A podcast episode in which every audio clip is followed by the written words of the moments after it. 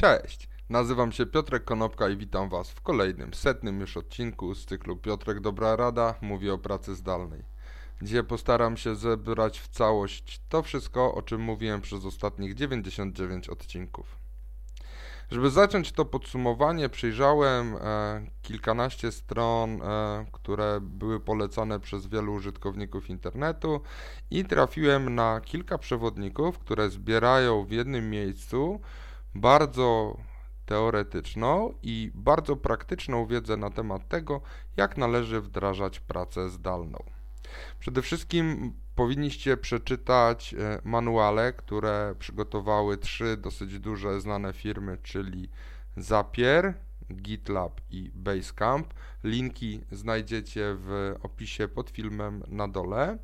Dodatkowo znalazłem e, dwa dokumenty, e, które są przygotowane przez firmę Twist i drugą firmę Capish. Te pięć materiałów są e, zbiorem doświadczeń, które istnieją w mniejszych i większych firmach. Jest to punkt widzenia zarówno szeregowego pracownika, jak i kadry zarządzającej. Opisane są kwestie związane z wdrożeniem kultury organizacyjnej czy z doborem narzędzi. Także te wszystkie 100 dni i te 100 odcinków, które do dzisiaj wyprodukowałem w postaci Piotrka Dobrej Rady, możecie znaleźć właśnie w kompendiach przygotowanych przez te firmy. Bo pamiętajcie o tym, że dobre wdrożenie pracy zdalnej to jest wdrożenie kultury organizacyjnej, przygotowanie odpowiednich procesów i procedur, a na końcu wskazanie narzędzi, a to wszystko musi być podbudowane odpowiednim mindsetem ludzi, którzy są w to zaangażowani. Jeżeli chodzi o manuale, to e, pięć zostało wymienionych, natomiast czasami ta praca zdalna nie powinna być tak odhumanizowana i odizolowana od zespołu, że należy wprowadzić pewien element rozrywki. Warto, żebyście sprawdzili, jak działa na przykład netflixparty.com. Jest to możliwość wspólnego oglądania i komentowania filmów na Netflixie.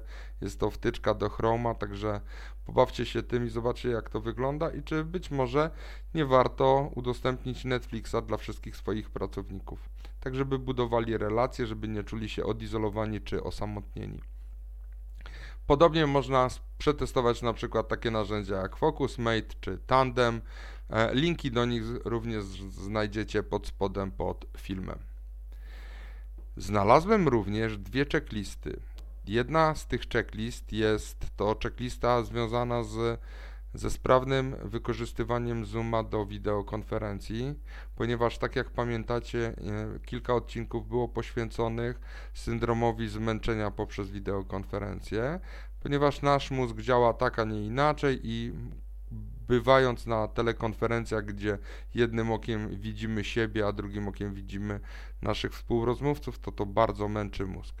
I warto do takich wideo, wideokonferencji przygotować się lepiej, także pojawi się pod spodem link do narzędzia, do checklisty, tak żeby te wideokonferencje były sprawniejsze.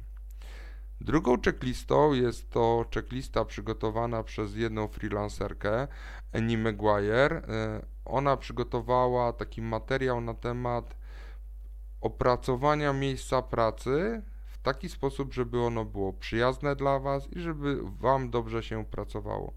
Bo co jest ważnego w pracy zdalnej? W pracy zdalnej ważnego jest to, żebyście nigdy nie zatęsknili za biurem i żeby wasze biuro w waszym domu, czy w tym miejscu, w którym pracujecie, spełniało wszystkie wasze potrzeby, żebyście tu się czuli dobrze. Wielu z moich kolegów, wielu z moich znajomych korzysta z takiego narzędzia o nazwie Slack. Znalazłem 10 przykazań, które pozwolą Wam tego Slacka wykorzystać w o wiele lepszy sposób. Link jest tutaj na dole na portalu buffer.com.